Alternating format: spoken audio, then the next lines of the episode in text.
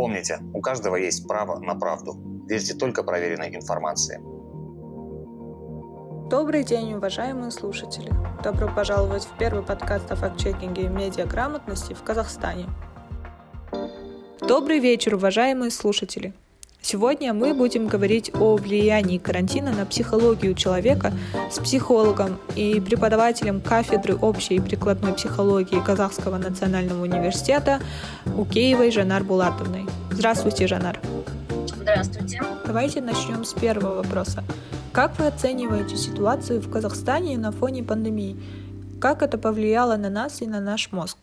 Ну, на самом деле, надо сказать, что, конечно же, однозначно повлияло. То, как повлияло, это мы уже можем отследить, возможно, через какое-то время, но что можно сказать уже сейчас? Однозначно повлияло а, таким образом, что формируются сейчас в мозгу однозначно новые нейронные связи относительно нового поведения, относительно нового, а, новых условий, в которых мы пребываем в связи с пандемией. И в этих новых условиях человек, встретившись с ними, начинает адаптироваться.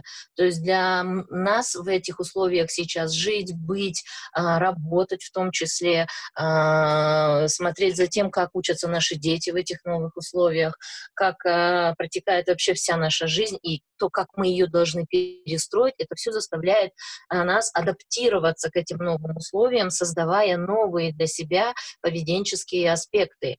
Э, формируются новые формы э, того, как мы вообще начинаем свой день, с чего начинаем свой день. Да? Все сейчас однозначно перестроилось, потому что и работа, допустим, на дистанционном удаленном режиме, а, учеба у наших детей, а, то, что мы не можем, допустим, да, или не могли, сейчас уже немножко послабление, но именно вот когда были жесткие условия карантина, не могли особо никуда выходить, гулять и так далее. И это заставляло создавать новые формы существования, условия условия внутри а, ограниченного пространства собственных домов, квартир и так далее. Поэтому, конечно же, вот эти все новые аспекты а, жития, бытия, да, там, работы и так далее, они заставляют нас адаптироваться, создавая новые формы поведения внутри вот этих вот рамок. И уже этот факт создание нового а, говорит о том, что, конечно же, в мозгу образуются новые нервные связи относительно вроде бы нам привычных дел, вроде бы того, что у нас всегда в жизни было. Работа, существование, жизнь и общение с близкими, общение с детьми и так далее, и так далее. Но то, что а, новые условия а, заставляют формировать новые форматы поведения, то это, конечно же, факт. И плюс еще эмоциональный фон ведь никто не отменял. И тогда на уровне эмоций и чувств мы формируем новые способы реагирования в тех условиях, в которых мы вынуждены оказались быть все это время. И тогда в любом случае относительно наших эмоциональных составляющих также формируются новые нейронные связи. Потому что, да, надо адаптироваться, да, может быть, это сложно, да, это трудно э, быть э, в такой некой изолированной форме, да, когда нет привычных э, форм общения, э, жизни, когда можно куда-то пойти, когда можно прогуляться, когда можно заняться, пойти в зал фитнесом или еще что-то. Но в любом случае, э, переживая вот эти собственные эмоции и чувства, у кого-то может быть тревог, у кого-то может быть а, разочарование каких-то упадков эмоциональных, но в любом случае это то, что заставляет преодолевать вот это все. И тогда, естественно, а, на уровне мозга у нас формируется активизация новых, так скажем, нейронных связей для того, чтобы это преодолевать, потому что в любом случае преодолевать как-то придется. Другой вопрос, все по-разному а, преодолевают эти составляющие. Поэтому здесь индивидуально уже о каждом отдельном случае нужно говорить. И в таких вот условиях, конечно же, сейчас очень много наших а, а, людей, а, в общем-то, обращаются к специалистам, психологам для того, чтобы справиться с этими всеми ситуациями. Как ведет себя человек во время стрессовых и панических ситуациях, и особенно сейчас во время пандемии, когда непонятно, когда и чем это закончится? Да, хороший вопрос. Почему? Потому что на самом деле в ситуациях стресса, в ситуации э, новых каких-то условий, которые действительно влекут за собой неизвестность, да, когда это закончится, чем это все закончится, чем это грозит. Это, конечно же, очень такие важные вопросы и заставляют человека, естественно, как-то реагировать. И чаще всего человек реагирует, эм, понятное дело, что индивидуально, в силу своей личностной зрелости, опыта, переживания, да, подобных, может быть, каких-то ситуаций, ну, не совсем связанных с пандемией, но в любом случае каких-то стрессовых ситуаций. И э, надо сказать, что в общем-то, реакции у людей разные.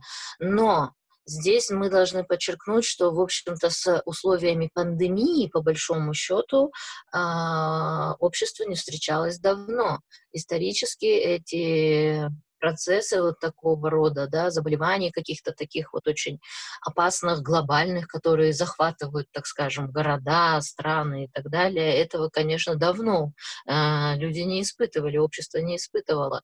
И в историческом контексте все вот эти вот эм, пандемии, связанные с э, различными заболеваниями именно, они, конечно же, э, вызывали всегда и страх, и ужас. Э, почему? Потому что это все э, влекло за собой чаще всего смерть.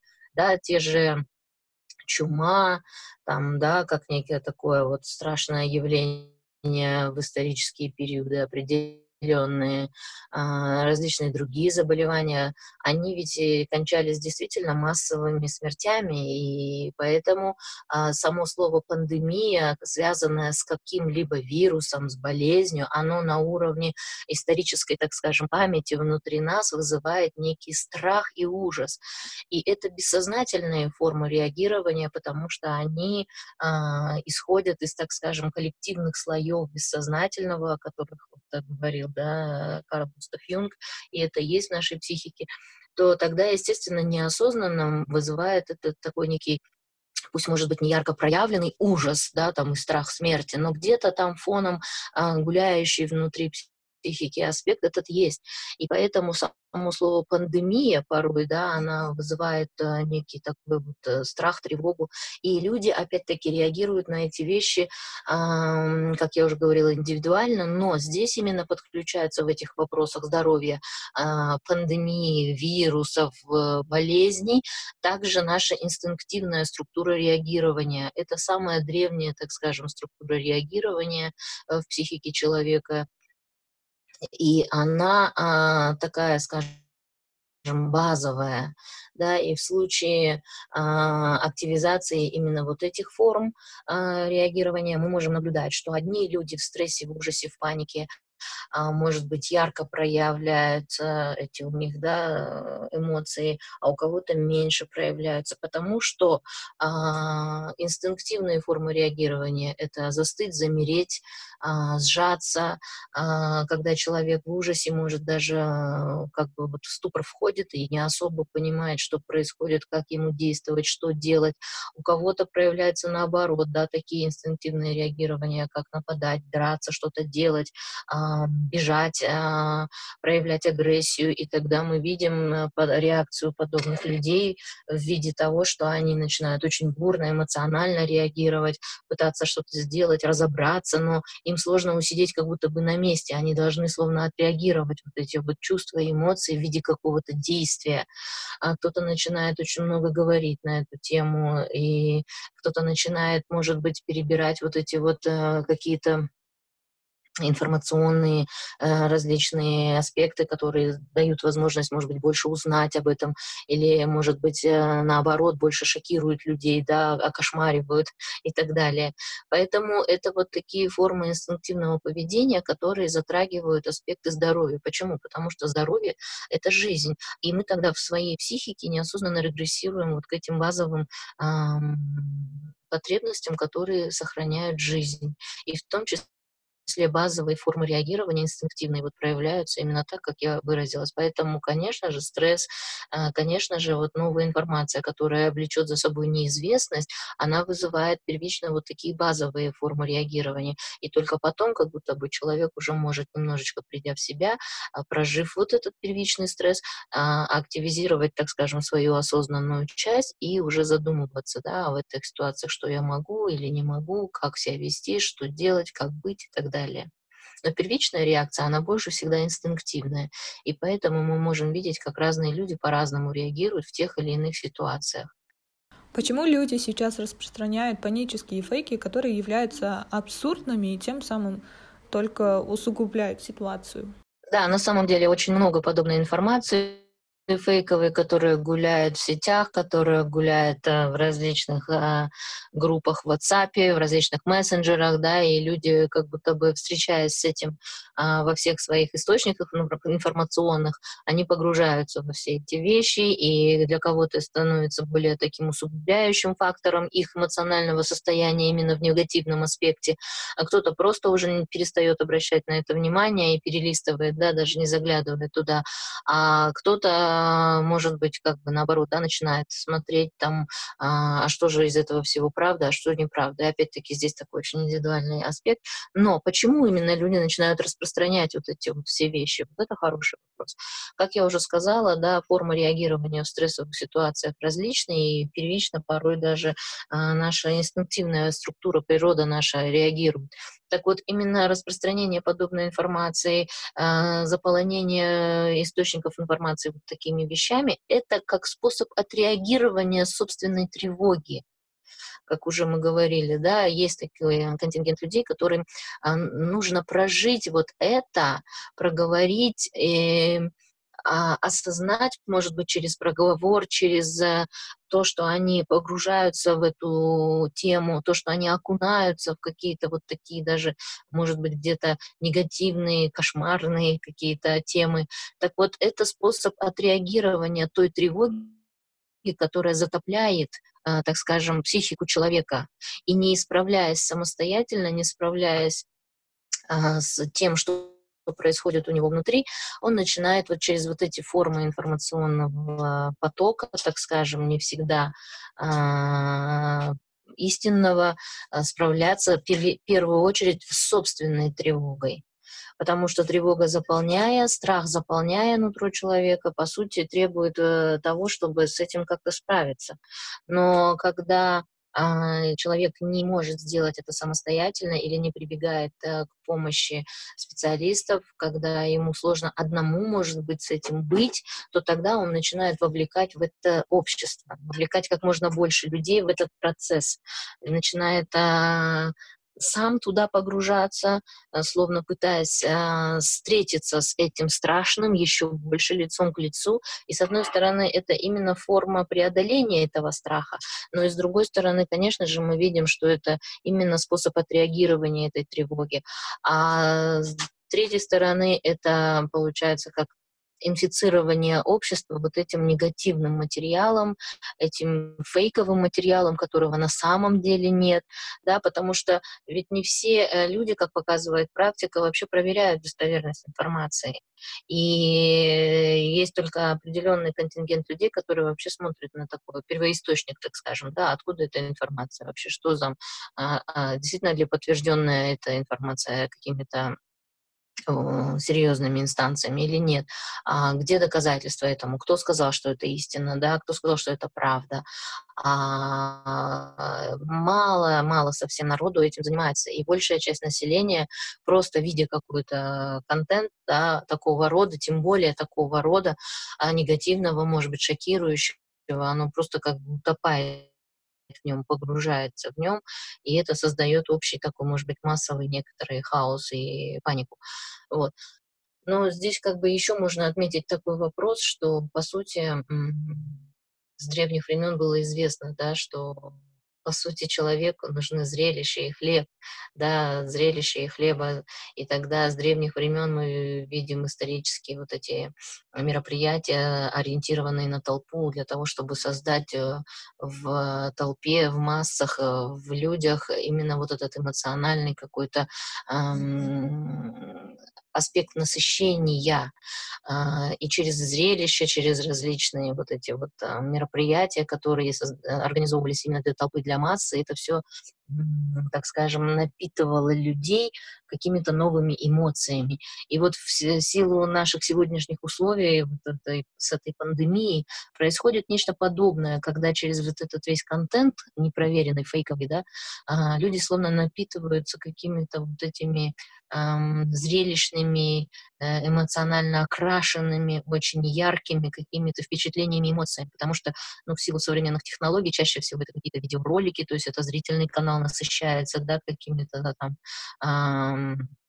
зрелищными сценами или а, тем, что транслируют. В том числе это сопровождается однозначно звуковым каким-то, да, информационным а, потоком, и это насыщает наш а, слуховой канал восприятия. То есть, по сути, технологически задействованы все каналы восприятия на а, человека. И когда идет воздействие на всех уровнях каналов восприятия на человека той или иной информации, естественно, его это затопляет. И тогда человек словно поддается всему этому. Особенно, когда это все льется э, с огромного количества источников, да, как уже говорили, и в соцсетях, и в новостях порой, и в э, мессенджерах различных, и в интернете везде, раз, на различных информационных сайтах порой мы можем видеть. И тогда как будто бы всеобщее вот это вот глобальное воздействие относительно всей этой темы, оно, конечно, окружает человека и в любом случае активизирует то древнее такое, скажем так, реагирование на все эти вещи из древних так контекстов психики человека на все эти вещи. И поэтому это все как бы как вирус словно, да, заражает людей и распространяется с большой очень скоростью.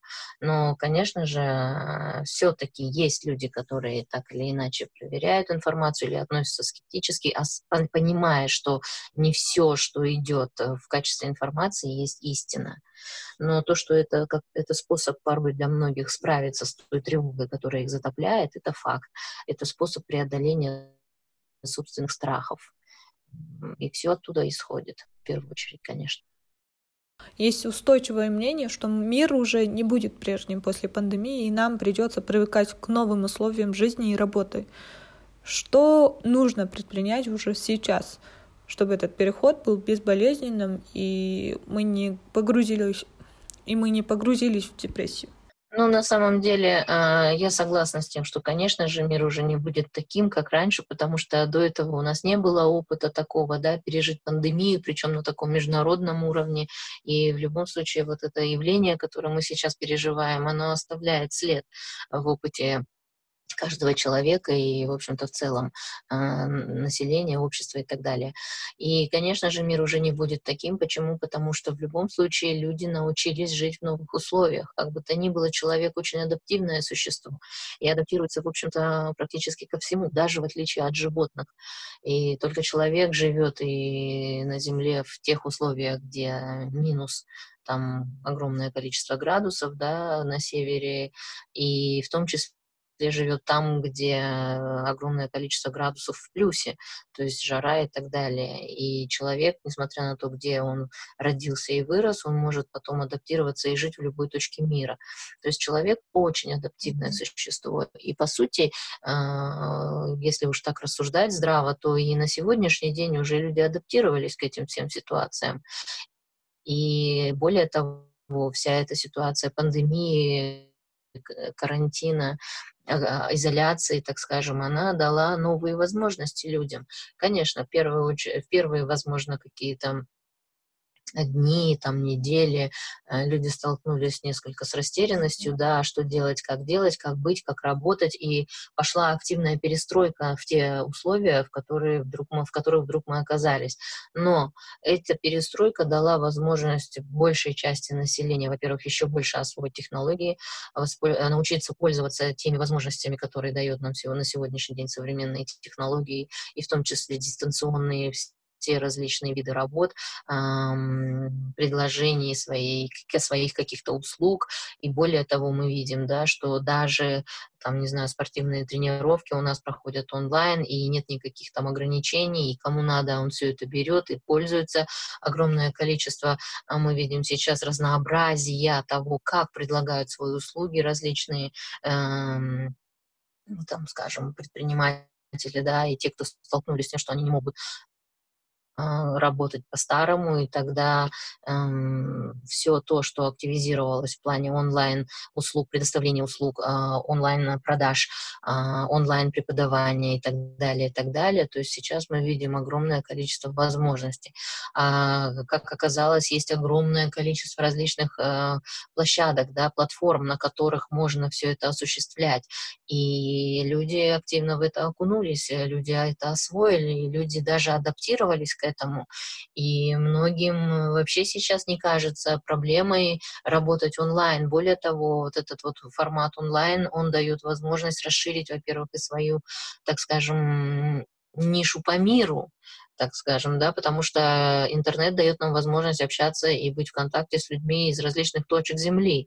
И тогда, если я, допустим, а, ограничивалась только, скажем, клиентурой из собственного округа, то тогда сейчас онлайн я могу, допустим, предложить свои услуги на более широкий а, регион. И это тоже как новые условия, как новые возможности, и очень многие окунаются туда. Поэтому, конечно, однозначно, на мой взгляд, по-старому уже не будет, и будет, конечно, что-то из прежнего, но при этом очень много будет из вот тех новых э, возможностей, которые открылись в связи с вот этой изоляцией, пандемией и так далее. Поэтому однозначно сказать, что как все у нас плохо и как все страшно и что же нас ждет, я думаю, что делать этого не стоит, тем более, что в любом случае а, человек, как я уже говорила, существо адаптивное, и он всегда подстроится а, к тем условиям, которые есть. Более того, как показывает история, несмотря на то, что человечество пережило различные катаклизмы, различные формы пандемии, заболеваний и так далее, несмотря на это, жизнь на Земле продолжается, и мы а, продолжаемся, живем, существуем, да, и работаем, и рожаем детей, и все, все, все течет далее далее. Поэтому я думаю, что глобально э, утыкаться в проблему пандемии со страхом о том, как, что будет там, да, и к чему все это приведет, я думаю, здесь смысла нет, конечно, потому что в любом случае есть осознанная э, личностная часть, которая позволяет нам, в общем-то, все э, проанализировать, расставить все по местам, э, расставить приоритеты, понять, где я силен, где я слаб, где нужно мне себе как-то, так скажем, помочь, а, а где а, имею я сферу влияния, где от меня ничего не зависит, и тогда уже распределить свою жизнь таким образом, чтобы а, адаптироваться к тем условиям, которые есть сейчас, и рационально использовать в этих условиях свои энергоресурсы, так скажем, и эмоциональные ресурсы, и физические ресурсы, и ресурсы все, которые у нас есть, по сути. Как не поддаться в панике и бежать в магазин за гречкой и туалетной бумагой, получая тревожные новости о коронавирусе?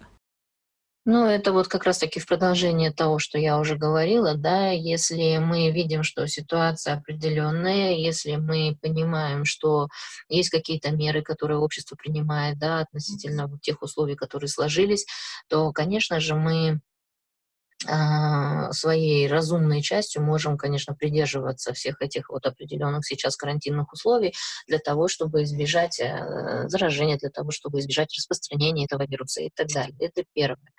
И здесь нужно понимать э, наше отличие от э, ситуации переживания подобных пандемий в прошлом в том, что в те периоды истории, да, когда люди сталкивались с такими различными заболеваниями, которые охватывали там целые города, регионы, страны и так далее, а, люди только сталкивались с этим вещами первично, возможно, да, и не было опыта, как справляться, и они только опытным путем таким, да, понимали, как нужно себя вести, а, пройдя через огромное количество потерь, может быть, населения, а, людей и так далее. Медицина была не на том уровне, естественно, все вот эти профилактические меры, как их создавать, что нужно делать в первую очередь для того, чтобы не пошло распространение этих заболеваний дальше. То есть всего этого знания не было, а мы обладаем сейчас на современном этапе, по сути, эмпирическим таким, да, историческим опытом, как э, справляться с этими вещами и что предпринимать в первую очередь. И медицина, естественно, на современном современном этапе не та, которая была ранее. И, конечно же, нам в, в этих условиях легче. Более того, как я уже сказала, человек, а, погрузившись вот в эти сейчас вот какие-то изоляционные условия, а, соблюдая все те требования и меры, которые предлагают нам соблюдать в рамках карантина, конечно же, может реально просто-напросто проанализировать, на что я могу сейчас повлиять что сейчас может э, зависеть от меня. Если я глобально ни на что не могу поменять и остается всего лишь да, пережить а, какое-то время для того, чтобы весь этот вопрос сейчас перешел уже на стадию уменьшения и, может быть, даже а, совсем исчез, то тогда за этот период э, нужно будет проанализировать и просмотреть, как я могу сейчас перестроить свою жизнь для того, чтобы быть в этих условиях, для того, чтобы для себя экологично, комфортно, не, не впадая в какие-либо формы страхов, депрессии, панических атак и, того, и всего прочего, а, справиться с этими ситуациями. Э, человек может действительно заняться тем, что может именно в тех условиях, в которых а, он находится. Если он в этих условиях не может глобальные какие каких-то вещей сделать, то здесь нужно это принять и успокоиться, а, потому что я могу повлиять только, возможно, на какие-то вещи внутри своей семьи, внутри своего дома. И это все, что от меня сейчас, а, так скажем, зависит, и все, на что я могу повлиять, то тогда он здесь уже внутри этих а, пониманий может Э, распределить, так скажем, что первично для меня, что вторично для меня, на что я могу тратить свою энергию, на что я не могу тратить энергию, а, эффективно распределить свое время. Возможно, также давать себе возможность в том числе и отдыхать больше, и спать больше. И как вот заметили мы э, в этот период э, карантина, несмотря на то, что пошла активизация, да, и людям стали предлагать различные формы проведения карантина на дому а, в плане какого-то досуга, развлекательных мероприятий, различных тренингов, семинаров, повышения квалификации, там, в том числе и каких-то развития в себе специализаций организации, там, возможно, кулинарии, возможно, в художественных каких-то способностях. То есть огромное количество предложений пошло в интернете, чем можно заняться, куда можно развиться и так далее. Но, как оказалось, что вроде бы на энтузиазме сначала люди все, во все это, вау, да, круто, классно, э, поддались, а потом э, говорят о том, что, а по сути, ничего и не охота. И это естественная, природная, инстинктивная, опять-таки, реакция, да, как я уже говорила, словно возврат в базовые свои потребности, это еда, э, утоление жажды, сон, а, состояние некой потребности в большей активности а, физической в состояниях изоляции, поэтому все массово двинулись да, в то, чтобы заниматься на дому самостоятельно или с помощью онлайн-тренера и так далее. Но это все те базовые вещи, которые позволяют, так скажем, выжить. И поскольку, как я уже говорила, пандемия — это вопрос жизни, здоровья, да, так или иначе, то тогда, естественно, активизируясь, вот эти вот все базовые вещи про жизнь, про выживание, естественно, человек туда неосознанно погрузился. И тогда мы видим, что если есть желание, да, может быть, больше отдыхать, ради бога, позвольте себе больше отдыхать. Может быть, если вы понимаете, что э,